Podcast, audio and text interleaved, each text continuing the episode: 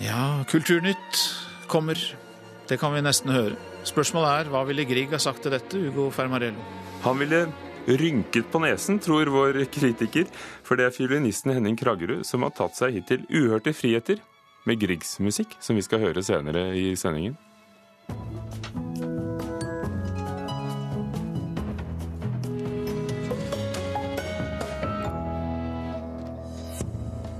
Utenriksdepartementet betaler reiseregningen for utenlandske journalister, mens norske redaktører mener eh, utenlandske mediene ikke burde takket ja til pengene.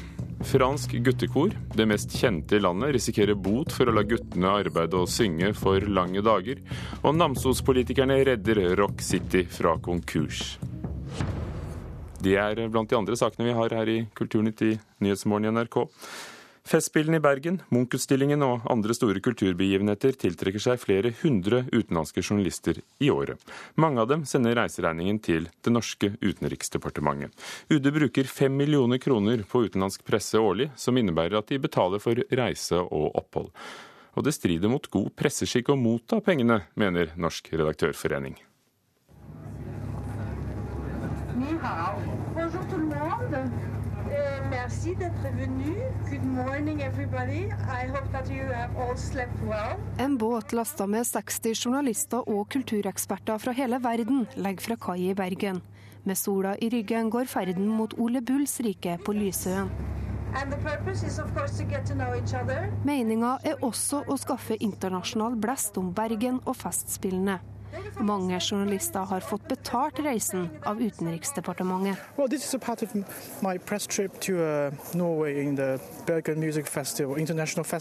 Det sier Rudolf Tang, frilansjournalist fra Beijing. Han ville ikke ha kommet til Norge, hadde det ikke vært for ordninga med det norske utenriksdepartementet. So,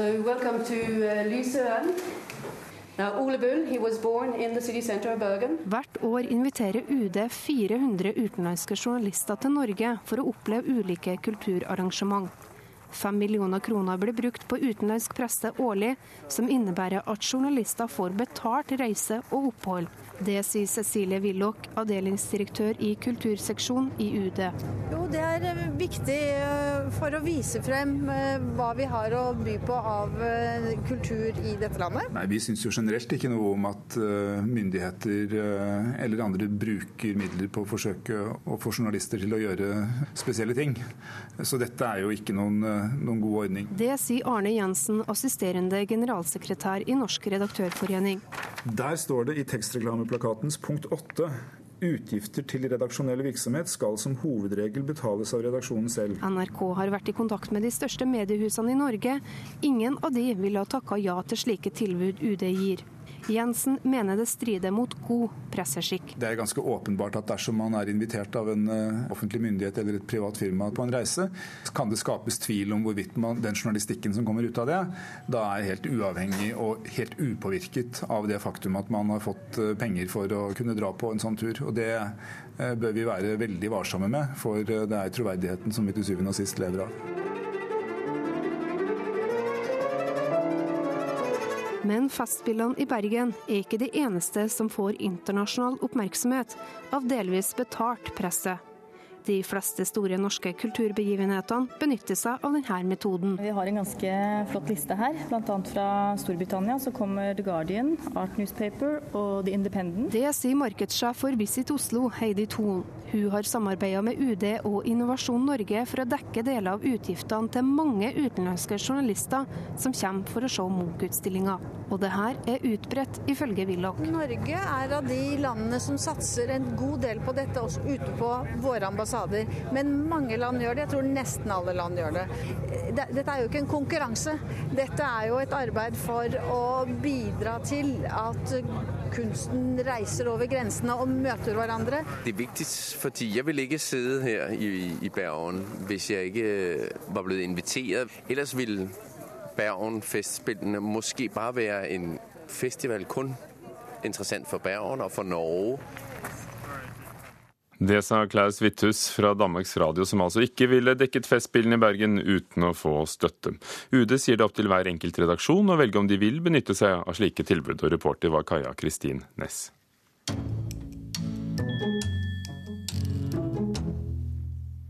Franske guttekor arbeider for hardt og for lenge. Det mener det franske arbeidsdepartementet, som vil kutte ned på de unge sangernes arbeidstid. Landets mest kjente guttekor, med 8-15 år gamle medlemmer, har konserter seks dager i uken og turnerer verden over. Og nå skaper forslaget om å korte ned på arbeidsuken protester i Frankrike.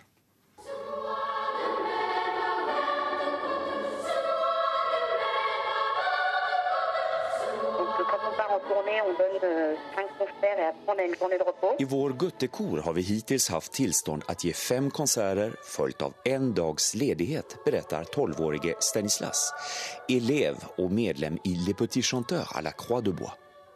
Når jeg får tag på honom befinner seg koren i östra Frankrike for konsert. Jeg har vært med under turnéer i Frankrike og i utlandet, sier pojken, men jeg har aldri kjent meg trøtt pga. arbeidstakten, sier Stanislas. Men på det franske arbeidsmarknadsdepartementet har man en annen syn på saken. Arbeidstakten er for hård, mener man, og krever derfor strengere regler. Man begär nå at guttekorer i hele landet øker antallet ledige dager efter et konsertpass. Pojkarna i Le Petit Chanteur à la Croix de Bois går i en spesiell internatskola der korarbeidet utgjør en stor del av undervisningen bredvid andre emnen. Her finns nesten 80 pojkar i åldrarna 8 til 15 år. Skolans ledning rasar. Upp til 70 000 euro skulle skolan kunne forlore om koren gir en konsert mindre per vecka, mener Marc Ladufaux soit un manque à gagner extrêmement important qui pourrait nous obliger euh, tout simplement à cesser notre activité. Myndigheternas förslag innebär längre turnéer, vilket medför dyrare omkostnader för musikskolan som är självförsörjande och inte får några statliga stöd, säger han. Skolchefen varnar helt enkelt för att skolan kan komma att tvingas att läggas ner. 1907 startade två studenter guttekoren Le Petit Chanteur à la Croix de Bois som snabbt kom att bli en av de mest populära i landet.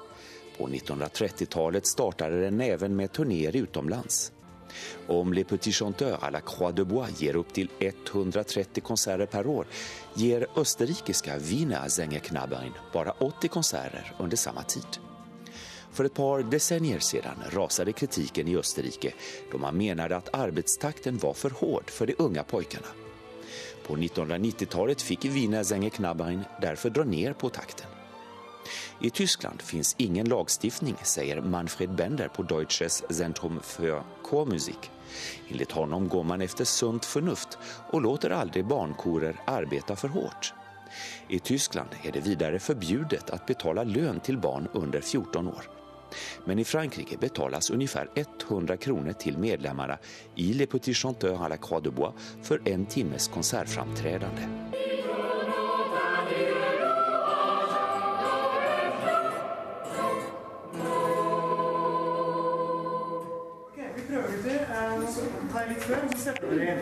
I et trangt kjellerlokale på Marienlyst sitter det om lag 25 sølvgutter. Det er ingen matrosdresser eller håndholdte lys å spore, men isteden caps, hettegensere og dongeribukser.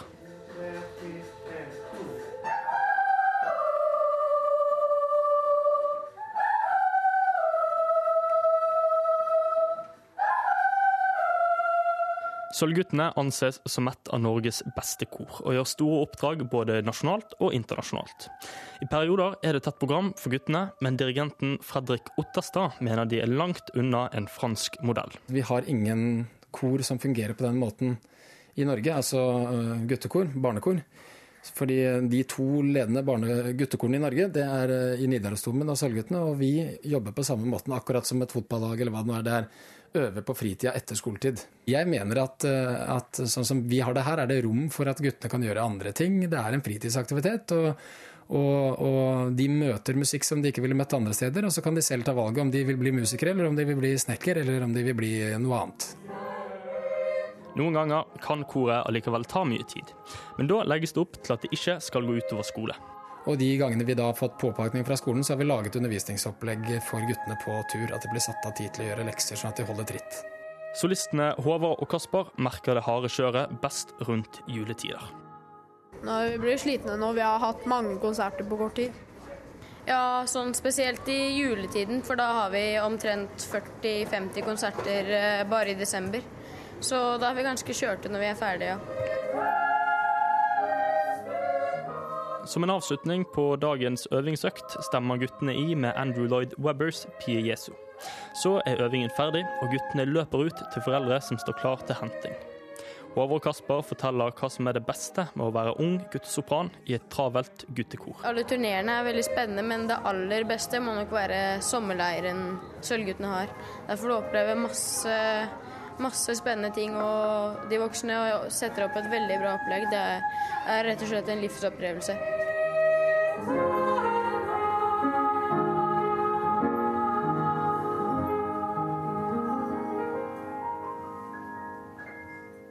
Jaran Ree Mikkelsen intervjuet Sølvguttenes dirigent Fredrik Otterstad og guttesopranene, og reporter i Paris var Johan Tolgert. Klokken er straks kvart over åtte. Du hører på Nyhetsmorgen i NRK med disse overskriftene. En oljeplattform krenger etter å ha tatt inn vann på Askøy i Hordaland. Redningsmannskapene frykter at ankerkjettingen som holder plattformen stabil, skal ryke. Regjeringen sier nei til å kreve politiattest av ansatte i eldreomsorgen. Den mener at det kan gi falsk trygghet. Og skoleelever fikk se hvordan 800 tyskere døde ved krigsskipet Tirpitz. Like viktig å dra inn i lokalmiljøet som med hvite busser til Polen, sier lederen for Holocaust-senteret, som vi skal høre mer om senere i Kulturnytt. Først til Namsos. Rock City, det nasjonale ressurssenteret for pop og rock, ble reddet av politikerne i byen der i går kveld. Flere i kommunestyret stemte for å skyte inn 3,7 millioner kroner. Dette blir siste runde med almisser, bedyrer ordfører Morten Stene. Det vil jo bety det at, eh, at Rock City har ei framtid. Og eh, det vil bety etter mitt syn i hvert fall mye for eh, omdømmet til Namsos. 3,7 millioner, tror du det stopper med det, eller blir det spørsmål om mer? Nå har vi jo kommet til det punktet at vi, vi retter opp egenkapitalen, og det forventer jeg er siste tilskuddet vi gir uten at vi uten at det er husleier sånne uh, kostnader vi har fra før. da. Til tross for at Rock City-saken er diskutert opp og ned i mente i Namsos-politikken, ble det også i går bedt om gruppemøter og pauser. Pauser mest kanskje pga. temperaturen i salen, ikke fra talerstolen. Derifra tvilte de fleste seg etter hvert fram til enighet. Enighet om å gå inn med 3,7 millioner i aksjekapital, tatt fra en konto kommunen har i reserve til uforutsette utgifter.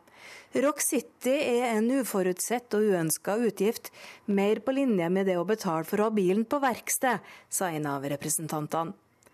En sterk koalisjon fra SV, Arbeiderpartiet og Senterpartiet la premissene, bl.a. med Randi Dille, Senterpartiet, i føringa.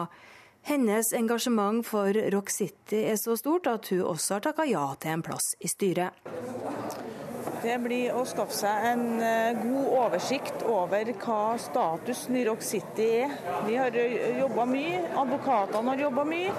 Men det å skaffe seg en oversikt over den indre driften av Rock City, det blir det mest utfordrende. Et nytt år i styret tar også styreleder Erik Stene. Han sier at redningspakken fra kommunen gir en viss arbeidsro. Jeg er letta og glad og fornøyd. Det er eh, Eierne eh, viser hva de vil, og det er jo veldig betryggende for et styre å ha eiere i ryggen som vet det. Så det er jeg veldig fornøyd med. Så skaper det en viss ro ja, ro og mulighet til å tenke litt framover. Litt langsiktighet. Det trenger selskapet og nå. Samtidig så stilles jo mye krav her, og det er tydelig at det ikke bare er å komme og be om penger ved neste korsvei. Nei, og det skjønner jeg godt. Med den historikken som det her eh, Rock City eh, har her, så skjønner jeg det godt. Og det eh, syns jeg politikerne har full rett til å uttrykke på den måten de gjør. Det sa styreleder i Rock City, Erik Stene, og reporter på kommunestyret i Namsos i går kveld var Solvor Flatås.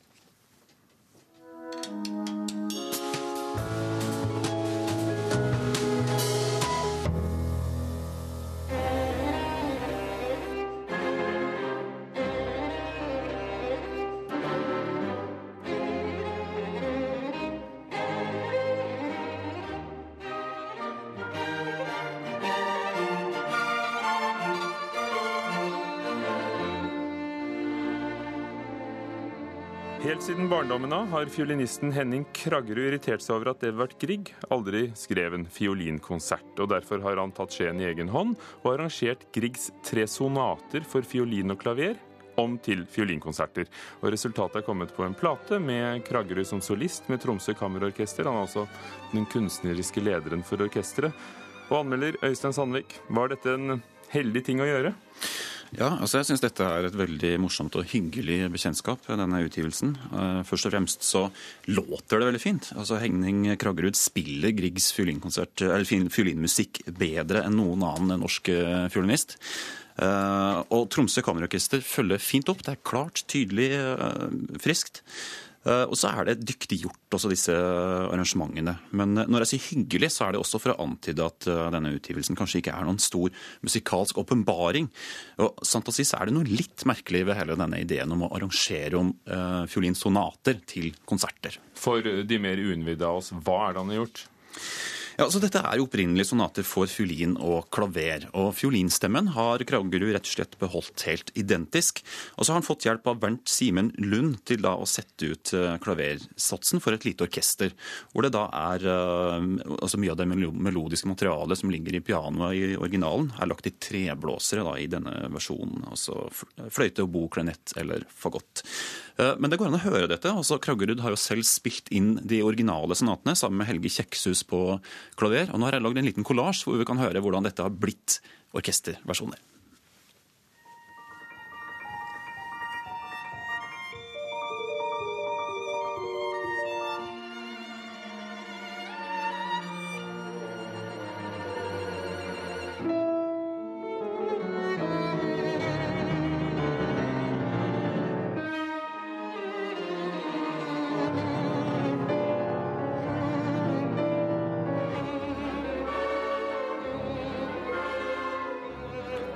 Det krevde et litt musikalsk øre å få satt det sammen sånn, men her fikk vi altså vekslingen mellom klaverversjonen og orkesterversjonen. Øystein Sandvik, ja. Dette hadde du laget for oss. Eh, hva er poenget eh, med å, å gjøre om fiolinsonaten eh, nummer tre i C-moll av Grieg, slik han har gjort?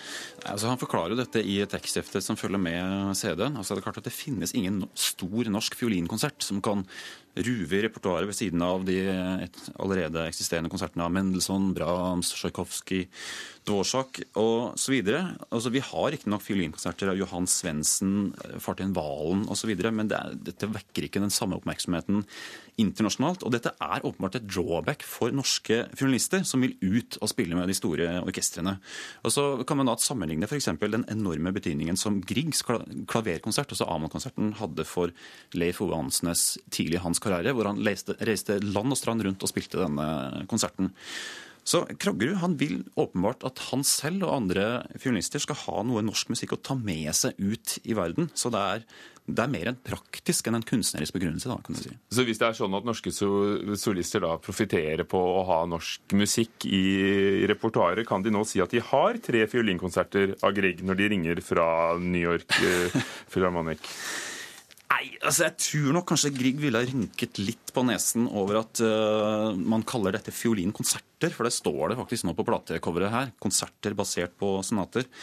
For det er det faktisk ikke. Altså, det mangler jo den virtuose fiolinstemmen som du har i en fiolinkonsert.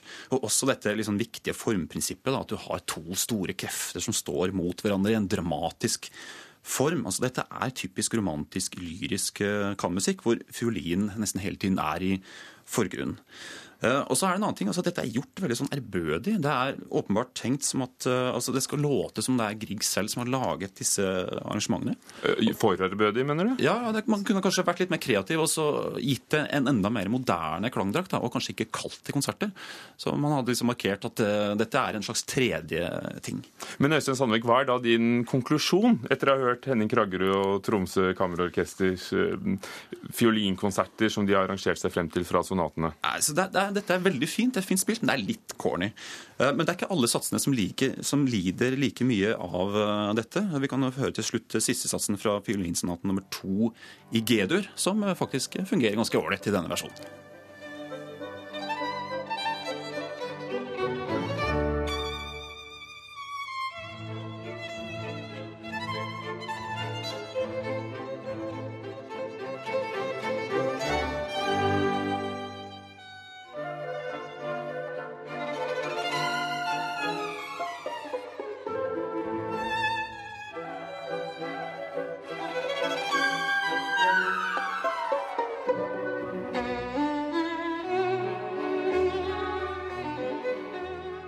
Siste sats fra Edvard Griegs fiolinsonate nummer to i G-dur til slutt i orkesterversjonen laget og spilt av Henning Kraggerud og Tromsø Kammerorkester på en ny plate, som ble anmeldt av Øystein Sandvik, som akkurat forlot oss her i Kulturnytt.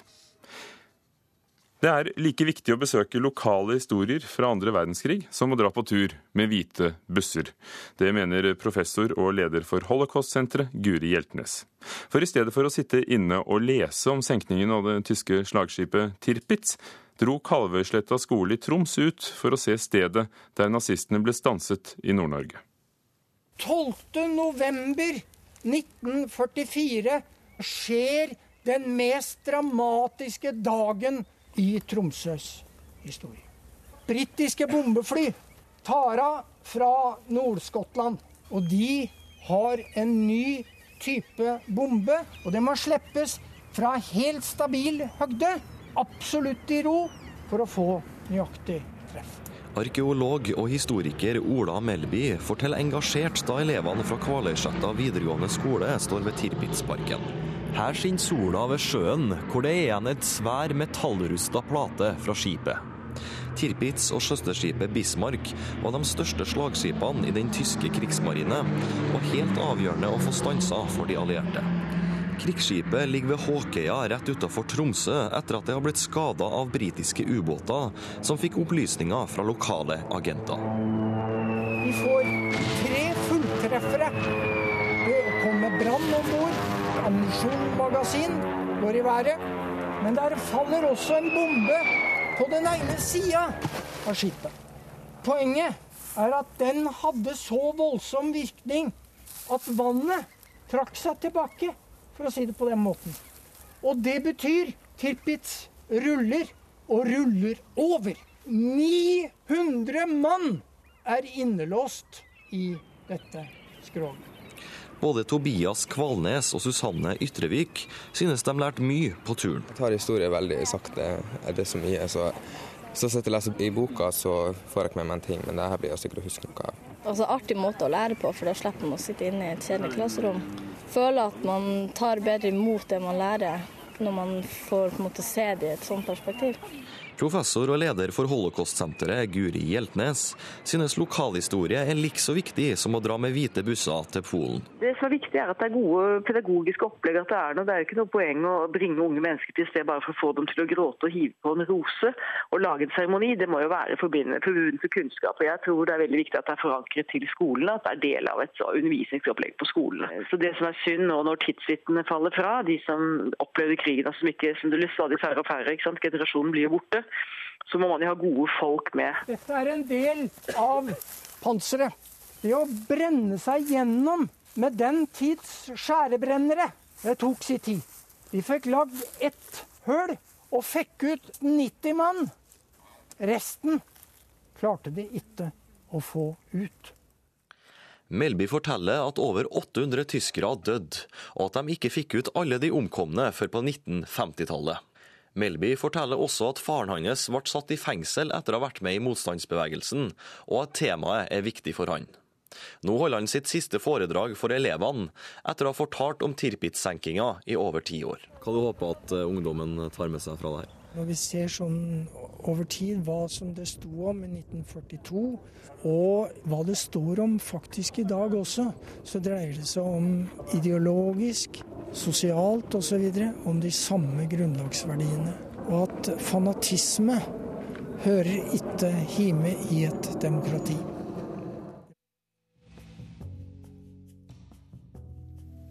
Og reporter her var Rune Eian.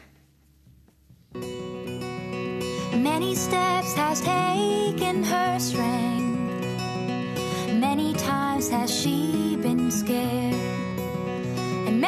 Den 22 år gamle artisten Monica Heldal fikk Bendiksen-prisen på 100 000 kroner i går kveld. Det er artistenes egen forening Grammart som kårer vinneren av prisen til minne om Arne Bendiksen. Juryen beskriver Heldal som en tøff og talentfull artist med en særegen stil og glitrende gitarspill. Det er det vi hører i bakgrunnen her. Tidligere vinner av prisen er Carpe Diem, Ida Jenshus og Stein Torleif Bjella. Det var Kulturnytt, og her er rulleteksten. Guri Heidsberg Finnsveen, teknisk ansvarlig. Vidar Sem, produsent. Og Ugo Fermariello, programleder. Og døre på Nyhetsmorgen i NRK klokken er halv ni.